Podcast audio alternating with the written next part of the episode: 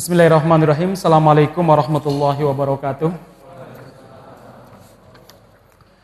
Innal hamdalillah nahmaduhu wa nasta'inuhu wa nastaghfiruh wa nastahdihi wa na'udzu billahi min syururi anfusina wa min sayyiati a'malina. May yahdihillahu fahuwal muhtad wa may yudlilhu fala hadiyalah. Asyhadu an la ilaha illallah wa asyhadu anna Muhammadan abduhu wa rasuluh.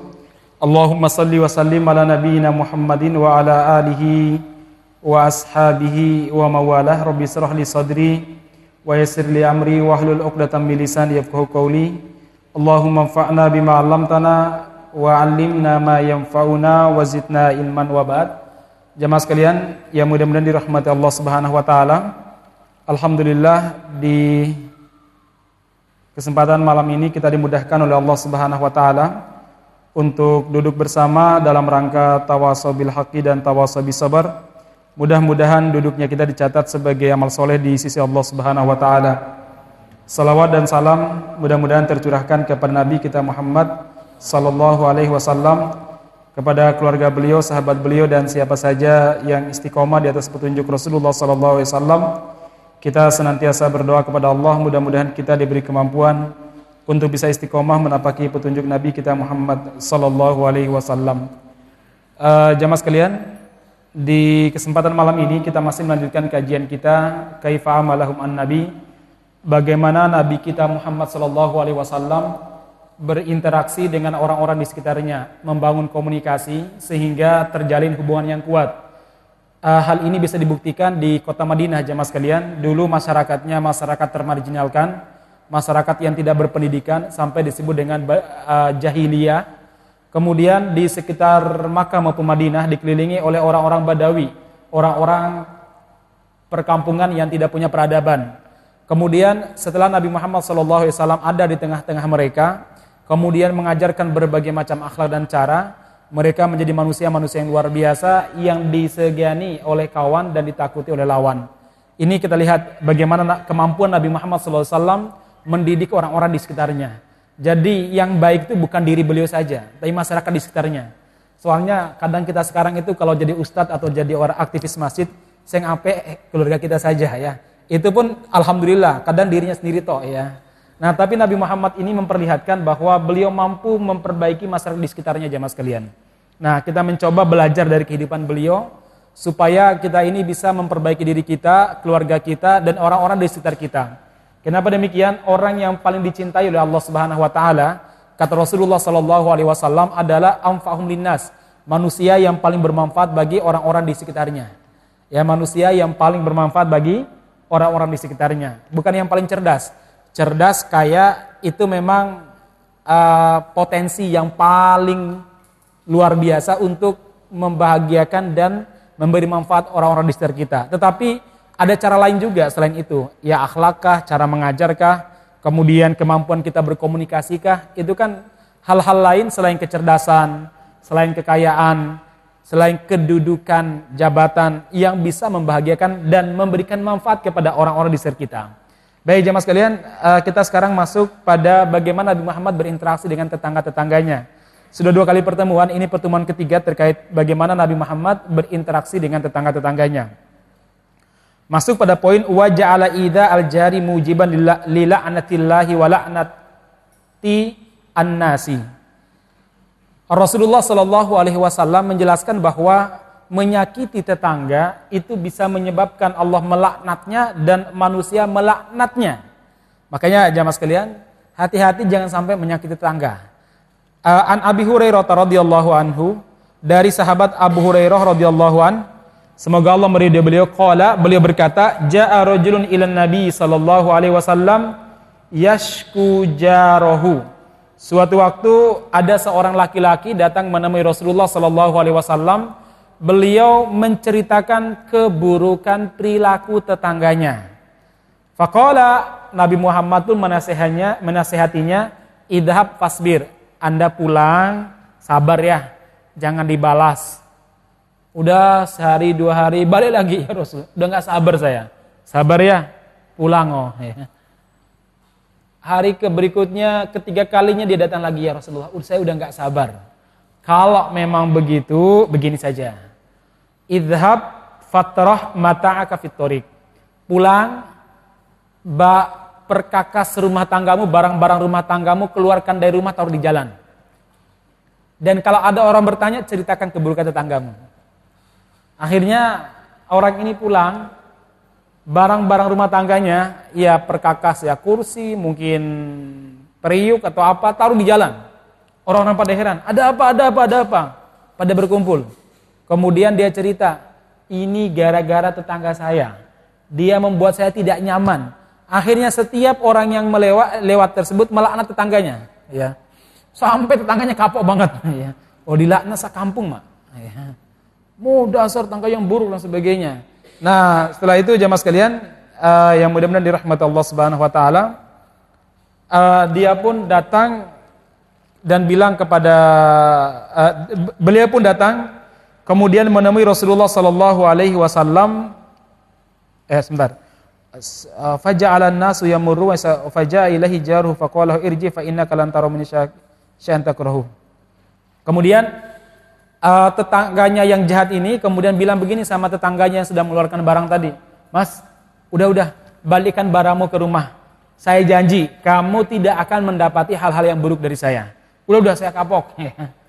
Kemudian setelah itu dia menemui Rasul, tetangga yang jahat tadi. Lalu dia bilang, "Ya Rasulullah, ma laqaitu minan nasi." Saya betul merasakan hal yang buruk dari banyak orang-orang di sekitar saya. Kemudian Nabi Muhammad bertanya, "Wa ma minhum?" Apa yang kamu rasakan dari mereka? Yal anunani, mereka melaknatku ya Rasulullah. Kemudian Rasul mengatakan, "Qad la'anakallahu qablan nasi."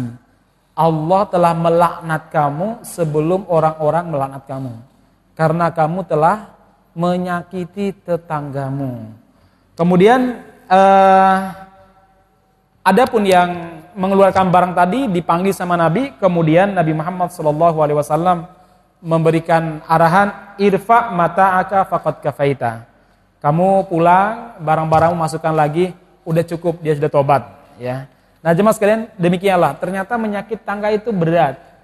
Hukumannya berat, dilaknat oleh Allah dan dilaknat oleh manu, oleh manusia. Jangan sampai kita menyakiti tangga. Jangan sampai kita menyakiti mereka karena mereka adalah orang yang paling berhak mendapatkan kebaikan dari kita.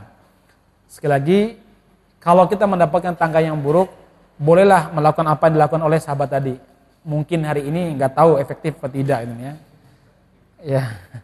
Baik, itu yang pertama ya. Kemudian berikutnya, wabayana anna katatul ibad. Nabi Muhammad SAW juga menjelaskan bahwa banyaknya ibadah itu tidak akan bermanfaat bagi orang yang sering menyakiti tetangganya.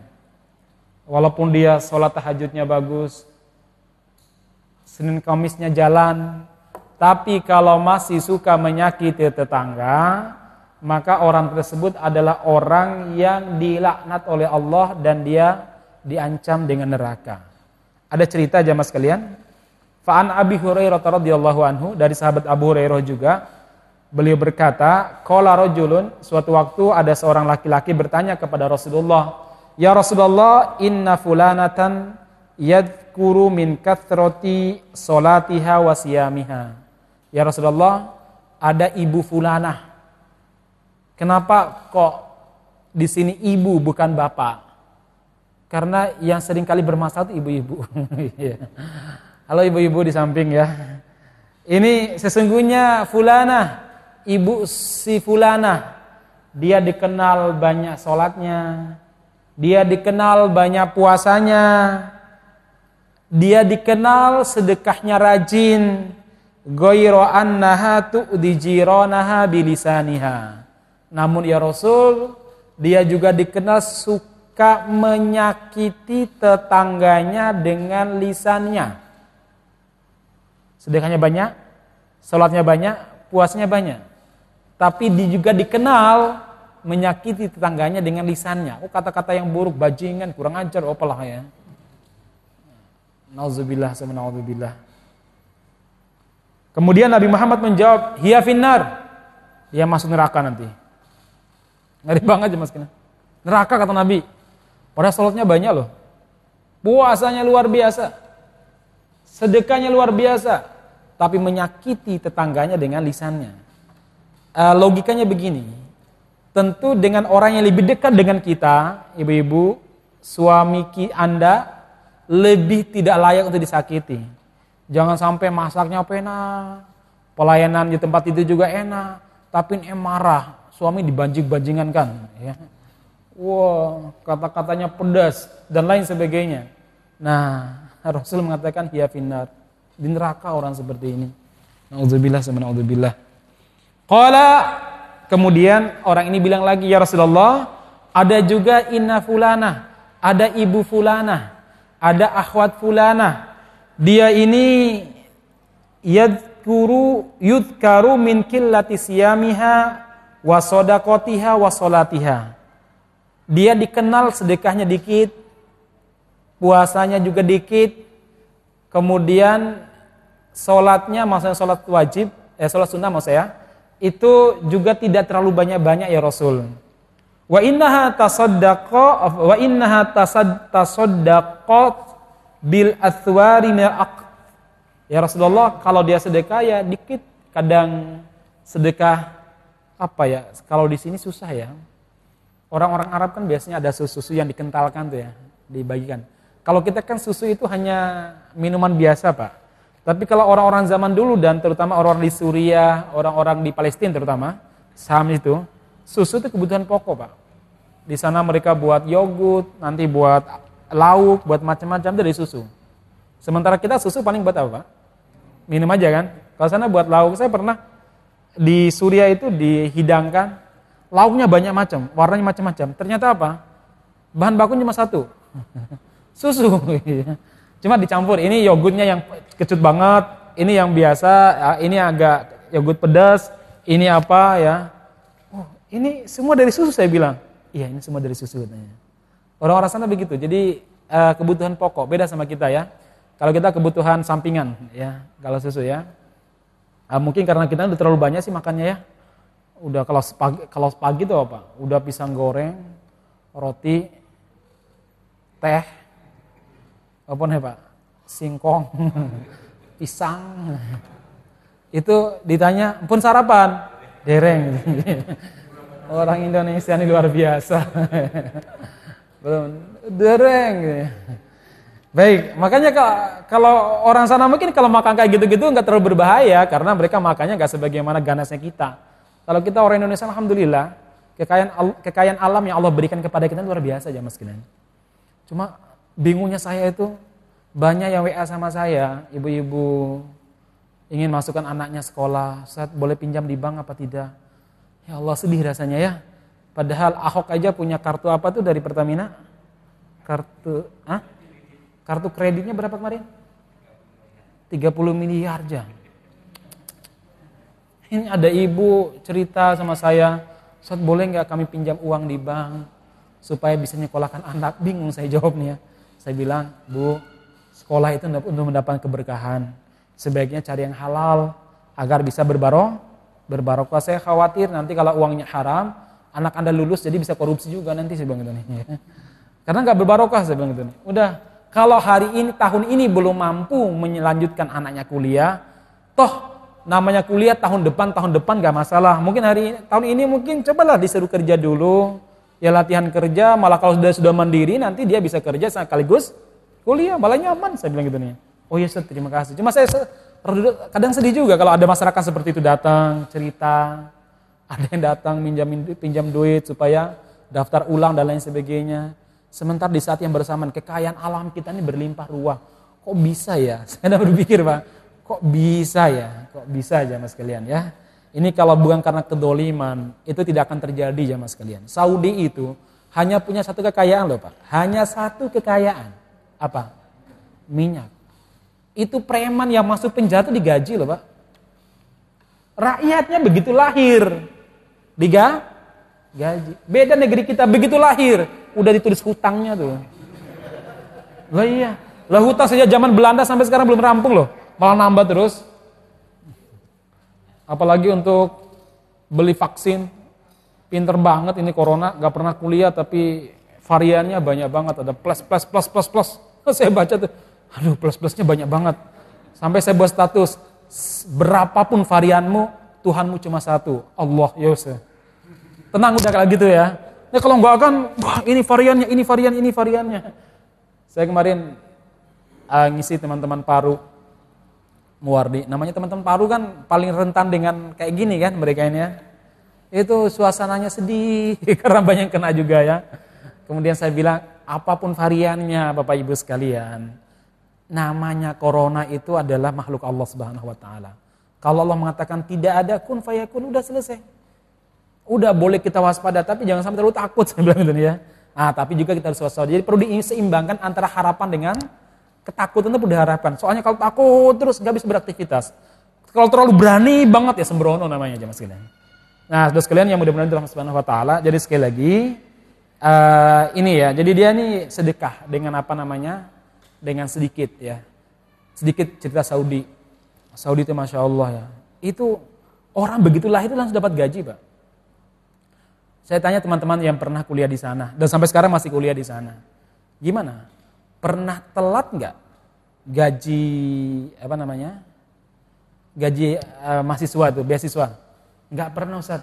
Saya nikah mulai dari melamar istri sampai nikah sekarang sampai nguripin istri sekarang Ustaz dan anak saya sudah satu sekarang itu masih pakai ini Ustaz, kartu pelajar. Corona pun dikirim, dikirim dan nggak pernah telat. Pernah dipotong pajaknya nggak ada pak, dipotong penghasilannya ada. Masya Allah, itu cuma satu loh pak, minyak. Dan yang terbesar cuma satu Aramco. Itu pun baru diakuisasi sama Saudi sebelumnya milik Amerika Serikat. Dan negara kita, minyaknya luar biasa.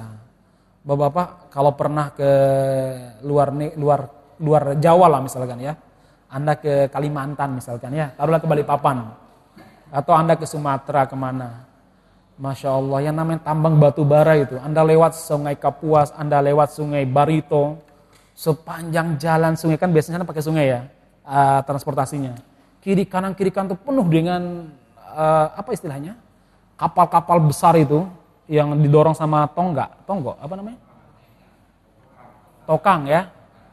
Itu banyak, semuanya itu apa? Batu bara. Saya tanya di beberapa kota, kenapa jalannya rusak terus di aspal? Ustadz, di bawahnya ada apa? Batu bara katanya. Subhanallah, dari bawah batu bara Pak. Di atas kayu-kayu kalau kita peluk Anda mungkin yang pernah ke, ke, ke Kalimantan mungkin ya. Itu kayu besar-besar. Peluk mungkin 10 kali kita ini loh. Kayu itu besar-besar, lurus-lurus. Tinggi-tinggi. Kayu mahal, Pak kok bisa ya miskin? saya mikir pak, ini kok bisa miskin kita ya? Kadang saya lewat itu lihat, ini kok bisa miskin? Kalau anda pernah ke Rio, mungkin teman-teman juga pernah ke Rio. Anda turun dari pesawat, kemudian masuk sedikit keluar dari kota, kemudian anda lihat, ya, sepanjang jalan dan sejauh mata memandang apa pak? Sawit. Di bawah sawit ada apa? Minyak pak. Kok kayaknya luar biasa itu nih orang Saudi untuk bisa menumbuhkan tanaman ataupun taman itu mereka harus air laut di apa namanya disuling, dibawa baru disiram. Kita Pak, airnya turah-turah bahkan banjir. Ya. Subhanallah Pak, betul-betul luar biasa. Ini kalau bukan karena kedoliman sistem perekonomian dan sistem pemerintahan, nggak bakalan kita kayak gini. Ini masalah kedoliman ada kedoliman. Cuma kita nggak bisa tahu kedolimannya di mana. Urutannya bagaimana. Allah Allah bisawab. Sampai kapan ini terjadi. Yang jelas jangan pernah ridho dengan kondisi seperti ini. Kita harus terus melakukan upaya perubahan jamaah sekalian. Jangan sampai anak-anak kita, cucu kita kondisinya lebih meliter dan lebih buruk daripada kondisi kita. Maka kita harus banyak melakukan perubah, perubahan. Nah, saya nonton The End of Game, eh The End apa? The End Game ya. The End Game itu kan cerita kurang lebih 50-an lebih 57 karyawan eh bukan karyawan, pegawai ya, pegawai KPK yang dikatakan tidak lu lulus. Itu saya saya nonton eh satu intinya cuma satu, karena mereka ingin mengungkap para koruptor terutama siapa? Si Harun. Harun Masiku. Di semua ternyata mereka terlibat ini sudah hampir nangkal sebagainya dikeluarin. Berarti ngeri sekali korupsi ini. Pasti orang-orang nomor satu mungkin atau orang-orang nomor sekian uh, peselan-peselan kesekian mungkin eselon-eselon kesekian mungkin kena semua itu kalau hari masih nampak. Nauzubillah subhanahu naudzubillah min dalik. Hiya finar yang mereka makan itu neraka semua harta rakyat, harta orang-orang miskin, harta orang tua jompo yang sekarang mereka bingung bagaimana cari makan. Harta anak-anak yang sekarang mereka nganggur, akhirnya mereka mungkin jadi pengamen, mereka mungkin melakukan kejahatan karena nggak bisa disekolahkan sama orang tuanya. Itu gagal kejahatan itu jemaah sekalian. Baik jemaah sekalian, uh, disebutkan ada seorang perempuan, dia nggak banyak sholatnya, nggak banyak sedekahnya, nggak banyak juga puasanya. Kalau dia bersedekah ya dia paling mampunya hanya beberapa potongan susu yang telah dikeringkan, ya, hanya dikeringkan untuk buat ya semacam keju lah kalau sekarang mungkin ya hanya itu saja Rasulullah. Tetapi wala tu'di. Dia nggak pernah me menyakiti tetangganya dengan lisannya. Kaifa ya Rasulullah? Hiya fil jannah. Dia di surga mas. Masya Allah. Ternyata penting juga ini jamaah sekalian. Bagaimana kita bisa memposisikan. Kan begini, sholat sunnah itu sunnah. Menyakiti tetangga itu haram. Jangan sampai kita lebih fokus perkara sunnah tapi melanggar yang ha, yang haram. Banyak orang-orang hari ini begini. Kadang dia fokus pada perkara-perkara sunnah.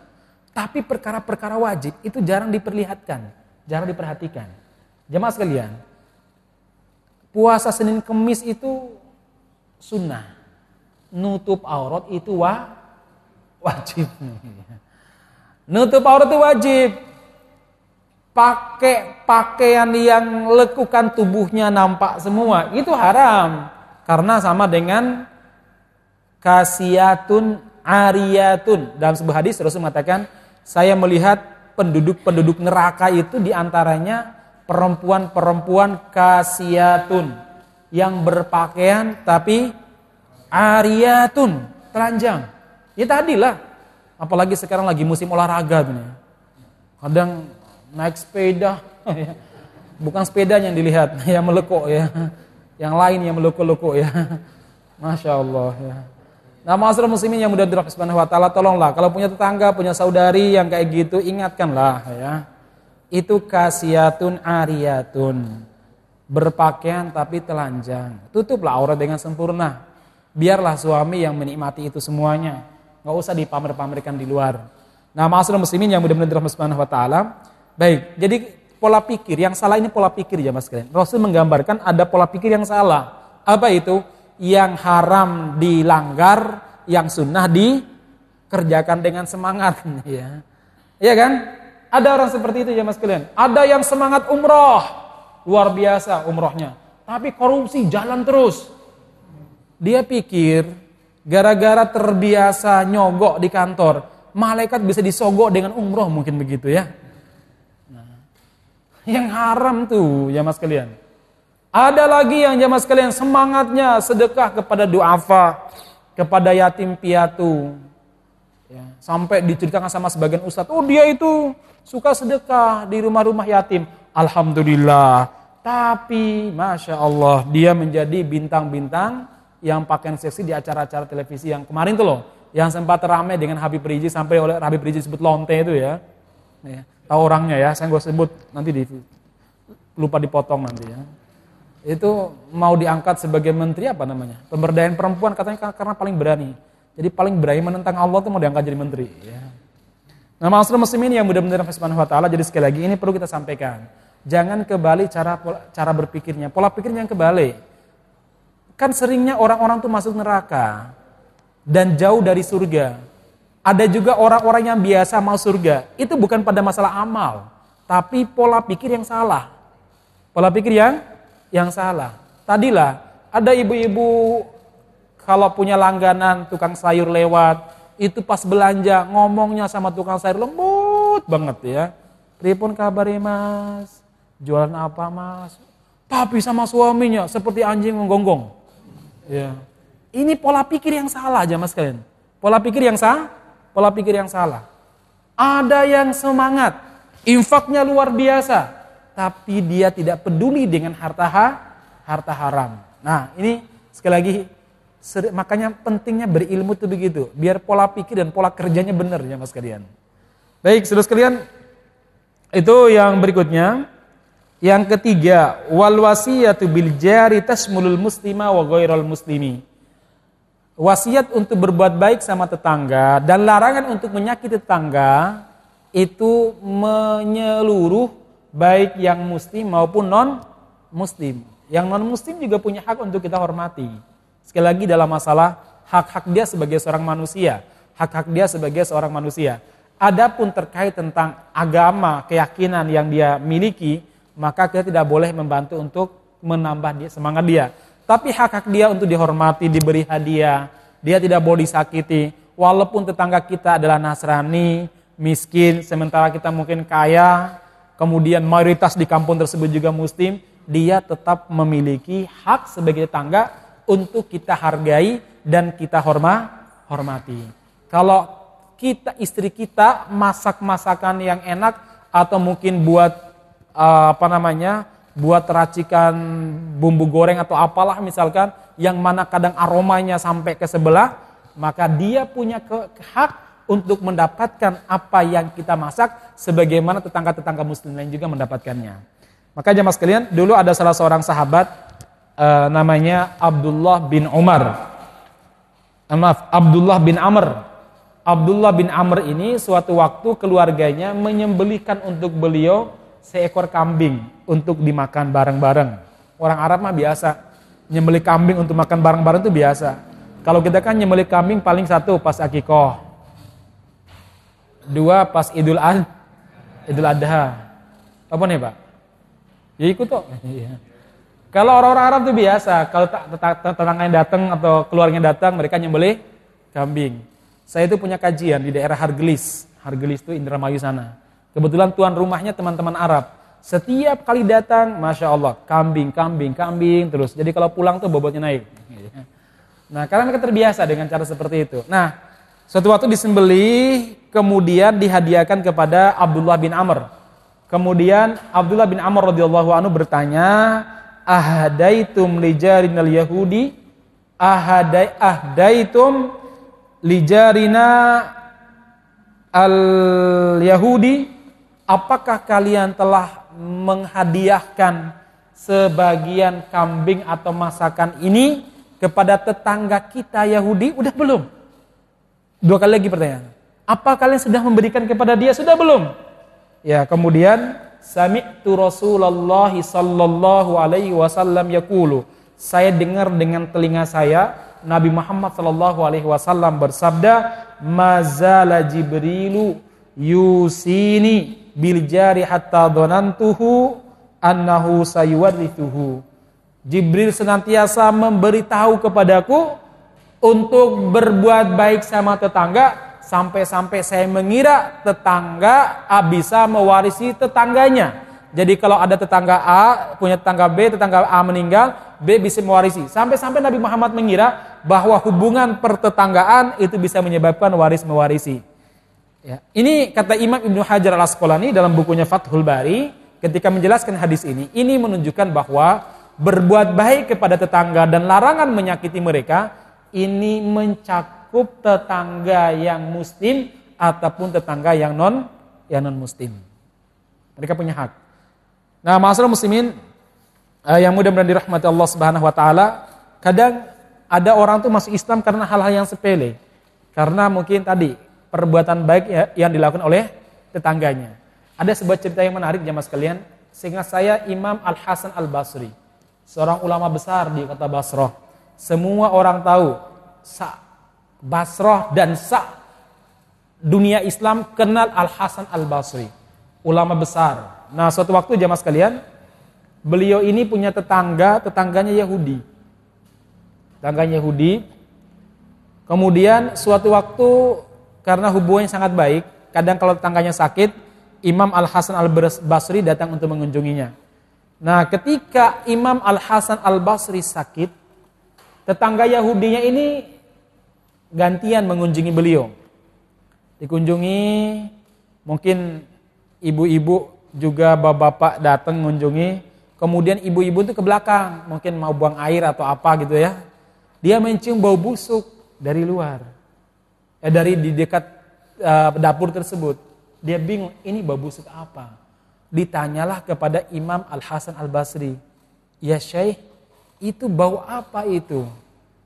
Syekh Imam Al-Hasan Al-Basri menjawab dengan tenang, itu tetesan. Tetesan apa? Air. Air apa? Air sepertinya air kotoran. Dari mana? Mau jawab agak pakewo, nggak dijawab, sudah ditanya. Kata beliau, dari tetangga sebelah. Maksudnya rumah saya? Iya. Lah sejak kapan? Sejak kurang lebih 20 tahun yang lalu. Loh kenapa kamu, anda nggak mengingatkan kami?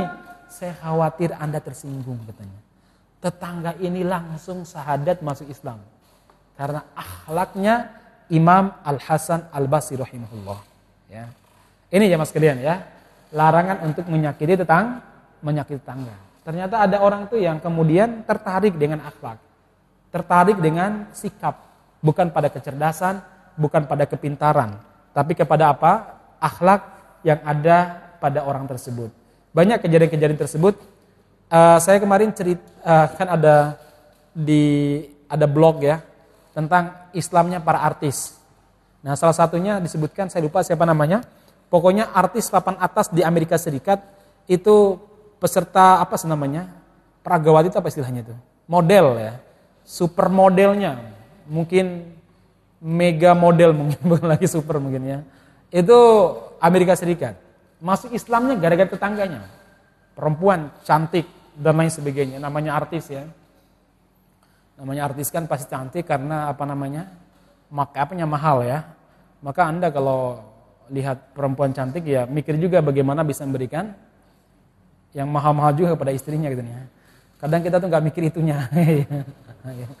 oh mereka itu ada peraturan saya saya baca siapa namanya yang nikah sama orang Jepang itu si Syahrini ya. ya. Itu hanya untuk mengurus kul apa kukunya ada dokter spesialis pak. Mengurus kulitnya ada spesialisnya. Mengurus rambutnya ada luar biasanya. Maka ya kalau anda pengen tampilan istrinya cantik ya kudu gitu mas dompetnya tebal baik ya nah masalah muslimin yang mudah-mudahan kembali apa sampaikan tadi akhirnya apa orang ini kemudian suatu waktu dia sedang menjaga usaha dia toko ya mungkin uh, pegawai dia lagi istirahat atau apa datanglah tetangga dia seorang muslim imigran dari Timur Tengah, mungkin dari Palestina atau apalah. Kemudian membeli. Tapi yang dia perhatikan ini mata yang dimiliki oleh pembeli ini enggak sebagaimana laki-laki lain yang biasanya kalau melihat penampilan dia yang cantik, yang pakai menarik, seksi itu biasanya dari ujung rambut itu ini ditelan semuanya tubuhnya itu ya. Nah, tapi orang ini sekali-kali melihat kemudian lihat ke tempat lain, nundukkan pandangannya. Akhirnya perempuan ini heran. Dia nanya, saudara, kenapa anda melihat saya? Tidak melihat saya? Apakah saya kurang menarik? Kemudian si laki-laki mengatakan, mohon maaf sister, bukan masalah tidak menarik, anda menarik sekali, tapi saya seorang muslim. Maksudnya bagaimana? Dia bilang, muslim itu untuk penghormatan terhadap wanita cerita. Nah akhirnya dia penasaran. Kemudian datang ke rumahnya, dia belajar Islam dan ternyata dia baru melihat makhluk, ah, bukan makhluk, agama yang paling menghormati wanita adalah siapa? Ya, adalah Islam. Lantas apa? Dengan penuh kesadaran dia menyatakan syahadat dan dia langsung memakai pakaian muslimah bercadar. Masya Allah. Gak cukup sampai di situ. Melamar jadi istri kedua orang tadi yang mengislamkan dia. Nah kalau itu bapak-bapak jangan usah dipikir lama ya nggak usah dipikir teman kalau kayak gitu ya. Itu rizki pak ya. Maksud saya cerita aja, bagaimana akhlak itu bisa merubah merubah orang. Said Kutub rahimahullah, beliau pernah bercerita. Saat beliau kuliah di Amerika Serikat, Said Kutub ini orang pinter. Dia dikuliahkan oleh, dikader sama negaranya saat itu. Disuruh kuliah ke mana? Disuruh kuliah ke Amerika Serikat. Beliau cerita, di apartemen beliau itu, berhadap-hadapan dengan apartemen beliau, ya Saya pernah sebulan tinggal di apartemen ya. Ya tadi ya udah ke nggak ada tempat main, ya cuma di kamar doang gitu ya. Ya berhadapan-hadapan kayak hotel ya Mas ya. Nah, ada tetangga dia orang Rusia, ateis. Lama kerja di situ. Said Kutub rahimahullah itu punya kebiasaan, ya sekedar nyapa, say halo. Tapi nggak begitu artinya berkata-kata jorok atau berkata-kata menggoda, ya say halo aja. Ini yang buat tetangganya itu tertarik. Ini orang nggak pernah sebagaimana yang lain. Kalau yang lain mungkin melihat wanita dengan pakaian seksi macam-macam akan menggoda dan sebagainya. Ini orang cuma say halo, masuk kamar baca Al-Quran, subuh baca Al-Quran, habis maghrib baca Al-Quran. Beliau biasakan itu saya kutub. Sampai suatu waktu uh, saya kutub pergi ke sebuah pergi keluar kota untuk tugas tugas tadi kemudian pulang nah tiba-tiba diketuk pintu kamarnya oleh sang tetangga kemudian sang tetangga bertanya ya Sayyid kenapa saya nggak mendengarkan lagi beberapa lagu kerohanian yang kamu baca setiap pagi dan yang kamu nyanyikan setiap pagi dan sore itu ya Sayyid Sayyid bertanya kamu mendengarkannya iya saya kan namanya orang sana kerja mungkin berangkat pagi. Saya sebelum berangkat saya dengarkan kamu melantunkan nyanyian-nyanyian rohani kamu itu. Tenang jiwa saya Sayyid. Dan ketika saya pulang kadang saya berdiri di depan pintu kamarmu mendengarkan lantunan uh, nyanyian-nyanyian kerohanian agamamu. Saya katakan itu bukan nyanyi kerohanian. Itu adalah Al-Quran. Apa itu Al-Quran? Cerita. Itu adalah kitab suci kami yang diturunkan dari langit. Seperti apakah itu? Silakan masuk kalau Anda ingin mendengarkannya. Dia masuk, dibacakan oleh Sayyid beberapa surat, dia meneteskan air mata, kemudian dia mengatakan, ya Sayyid, bagaimana saya bisa membaca ini? Dia nggak paham, orang ateis, nggak pernah nggak pernah kenal agama, tapi dengan baca Al-Quran luar biasa. Kemudian Sayyid mengatakan, datanglah ke Islamic Center, ya jam sekian, jam sekian hari ini, hari A, B, C, biasanya kita punya semacam acara pengajian diskusi di Islamic Center kami. Datanglah, temuilah nanti saya akan temani, masuklah Islam, nanti Anda akan bisa membacanya. Masya Allah. Dia pun datang, kemudian menyatakan Islam. Dan dia senang sekali berterima kasih kepada Sayyid. Cuma dia nggak melamarkan dirinya untuk jadi istrinya Sayyid, nggak. Ceritanya sampai di situ saja. Ya. Nah, jamaah sekalian yang mudah-mudahan Subhanahu wa taala jadi sekali lagi bagaimana akhlak bisa pengaruh tingkah laku. Baik, lanjut ya. Kemudian selanjutnya di sini disebutkan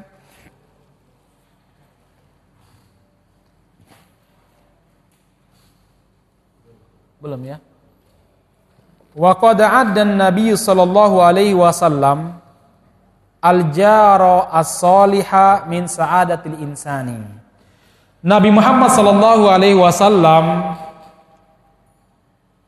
mengkategorikan memiliki tetangga yang soleh itu adalah kebahagiaan manusia. Jadi di antara tanda kebahagiaan seorang manusia adalah punya tetangga yang baik. Punya tetangga yang baik. Ketika Anda lupa memasukkan motor, dia akan masuk ke motor Anda. Ketika Anda lagi sakit, halaman Anda ataupun rumah di jalan, di depan rumah Anda itu kotor, dia menyapukannya. Nah Rasulullah SAW melanjutkan dalam sebuah riwayat mengatakan Anin Nafi bin Abdullah bin Haris dari Nafi ibnu Abdul Haris radhiyallahu anhu qala beliau berkata qala Rasulullah sallallahu alaihi wasallam Rasulullah sallallahu alaihi wasallam bersabda min saadatil mar'i di antara tanda kebahagiaan seseorang satu, almar'u eh, aljaru as-solihu. Memiliki tetangga yang baik. Masya Allah ya. Memiliki apa? Tetangga yang baik. Yang kedua, wal markab al-hani. Memiliki tunggangan yang nyaman. Jadi kalau mampu beli PCX atau X-Max nggak masalah daripada Astrea digenjot malah bikin kaki melentung. karena kebaliknya kena misalkan ya. Nggak masalah aja mas kalian. Kalau anda bisa beli Velfire ya, daripada mungkin beli cherry yang harus dibantu dengan tenaga dorong misalkan ya. Itu nggak masalah. Selama itu tidak menjadikan kita sombong. Karena itu sifatnya kebutuhan dan kenyamanan. kenyamanan. Nabi itu punya unta itu banyak. Ya unta kalau zaman sekarang semacam mobil lah zaman sekarang. Ya. Sebagai apa? Sebagai kuda tunggangan. Karena itu bagian daripada kebutuhan. Bagian daripada kebutuhan. Apalagi pada zaman dulu, zaman sekalian. Kalau sekarang mah sudah ada ojek, sudah ada angkutan umum. Kalau zaman dulu belum ada gojek unta nggak ada. Soalnya orang Arab tidak sekreatif orang Indonesia. Payung aja digojekin di Indonesia ya. Mungkin lama kelamaan sandal aja digojekin. Raja Salman digojekin kan pas hujan. Saya tuh pertama beberapa tahun yang lalu ngerti gojek payung itu pas di di apa di stasiun stasiun apa di Jakarta itu ya. Pasar Senin tuh apa gitu ya. Udah mungkin 10 tahun yang lalu tuh berapa. Gojek, Gojek mas. Sadar mati. Kok ada Gojek ya di stasiun ya? Ternyata apa? Gojek payung. ya. Saya baru ngerti ya. Oh, di Solo belum ramai dulu kan, baru di awal-awal memang sana ya kreatifnya kan. Oh, baru tahu. Oh, ini ada Gojek payung di sini ya. Nah, Masrul Muslimin. Jadi kata Rasulullah di antar tanda kebahagiaan tetangga yang soleh, yang baik. Yang kedua adalah kendaraan yang nyaman. Hani itu nyaman. Ya kalau Anda merasa nyaman dengan Vespa tahun 80-an gak masalah. ya. Tapi saya yakin Anda kesusahan cari onder dealnya. ya, spare partnya gak ada sebenarnya. Kemudian selanjutnya wal maskan al wasi' yaitu rumah yang luas. Itu bagian daripada tanda kebah kebahagiaan. Soalnya kalau rumah sempit, datang tetangga ataupun datang teman dari keluar kota dari luar kota bingung mau taruh di mana ya. Kemudian ada orang yang bertamu, masya Allah, sampai dari dari ruang tamu sampai dapur sampai WC bahkan kamarnya los kelihatannya ya. Sampai gantungan-gantungan celana yang nggak sempat di apa yang nggak sempat dilipat ya. Kelihatan kan kurang nyaman ya. Ya kita ya pernah bertamu begitu juga sih ya. Saya berdoa ya Allah mudah-mudahan ikhwan ini memiliki rumah yang bagus ternyata luar biasa eh, bukan karena doa saya mungkin ya tapi beberapa tahun kemudian saya berkunjung ke rumah beliau udah bangun rumah yang luas teman Arab sih orang Cirebon ya dulu soalnya saya masuk ke rumah dia, udah saya malu sendiri ya Akhirnya saya duduknya ke arah pintu gini ya. Saya duduk ke arah pintu ya. Nah, jamaah sekalian yang dirahmati Subhanahu wa taala, ini bagian daripada tanda-tanda kebahagiaan orang. Satu, tetangga yang soleh. Yang kedua, kendaraan yang hani, nyaman. Kemudian yang ketiga, wal maskan al wasi, tempat tinggal yang luas. Enggak harus punya sendiri. Nek kontrak ya, udah-udah luas dikit lah ya jadi ruang tamu, kalau nggak ada ruang tamu minimal ruang makan sama ruang tidur ya beda. Jangan sampai eh, ya ruang makan situ, ruang tamu situ, ruang tidur ya situ. Iya. ruang belajar ya situ ya. Nah, masalah muslimin yang mudah-mudahan dirahmati Subhanahu wa taala. Dalam riwayat lain, An Sa'ad bin Abi Waqqas radhiyallahu anhu dari Sa'ad bin Abi Waqqas radhiyallahu anhu anna Rasulullah sallallahu alaihi wasallam qala bahwasanya Nabi Muhammad Shallallahu Alaihi Wasallam bersabda, arbaun minas saadati. Ada empat tanda kebahagiaan. Ini yang nampak loh ya. Kalau iman tuh abstrak ya. Yang nampak itu mana? Yang nampak itu adalah apa? Satu, almar'atu solihah. Istri yang solehah. Yang solehah ini penting. Ya, kenapa demikian? Karena dia akan membuat Anda nyaman kalau Anda meninggalkannya sekian waktu. Kalau Anda berikan HP, Anda tidak perlu was-was. Kira-kira dia punya chattingan sama siapa. Ya. Anda tidak akan nyaman, tidak akan was-was ya mas kalian. Kalau memiliki istri yang merasa senantiasa diawasi oleh Allah Subhanahu Wa Taala. Kemudian yang berikutnya wal maskan al wasi, tempat tinggal yang luas. Ya. Kemudian yang ketiga waljar as tetangga yang baik. Dan yang keempat wal markabul hani yaitu apa? kendaraan yang nyaman. Warba'atu minasyaqawah dan ada empat tanda-tanda orang tersebut sengsara. Apa itu? Satu, aljaru asu tetangga yang buruk yang suka menyakiti dengan kata lisan ataupun dengan cara parkir mobilnya atau motornya serampangan dan sembarangan ya dan gak pernah peduli. Kemudian wal mar'atus istri yang buruk perilakunya. Wal maskanud yang ketiga tempat tinggal yang sempit. Wal markab asu dan kendaraan yang yang buruk. Udah berhenti di lampu merah, santai tiba-tiba lampu hijau. Pip pip pip. Harus genjot ya. Kan gak enak banget kan apalagi pakai gamis. Ya. misalkan seperti itu. Nah jemaah sekalian yang mudah-mudahan dirahmati subhanahu wa taala ini Rasulullah mengajarkan kepada kita doa supaya dijauhkan dari tetangga yang buruk. Saking pentingnya memiliki tetangga yang baik kita diminta oleh Rasul untuk berdoa dijauhkan tetangga yang buruk. Ada doanya. Allahumma inni a'udzubika min jarisu fi daril muqamati fa inna jarul badiyati yatahawwal.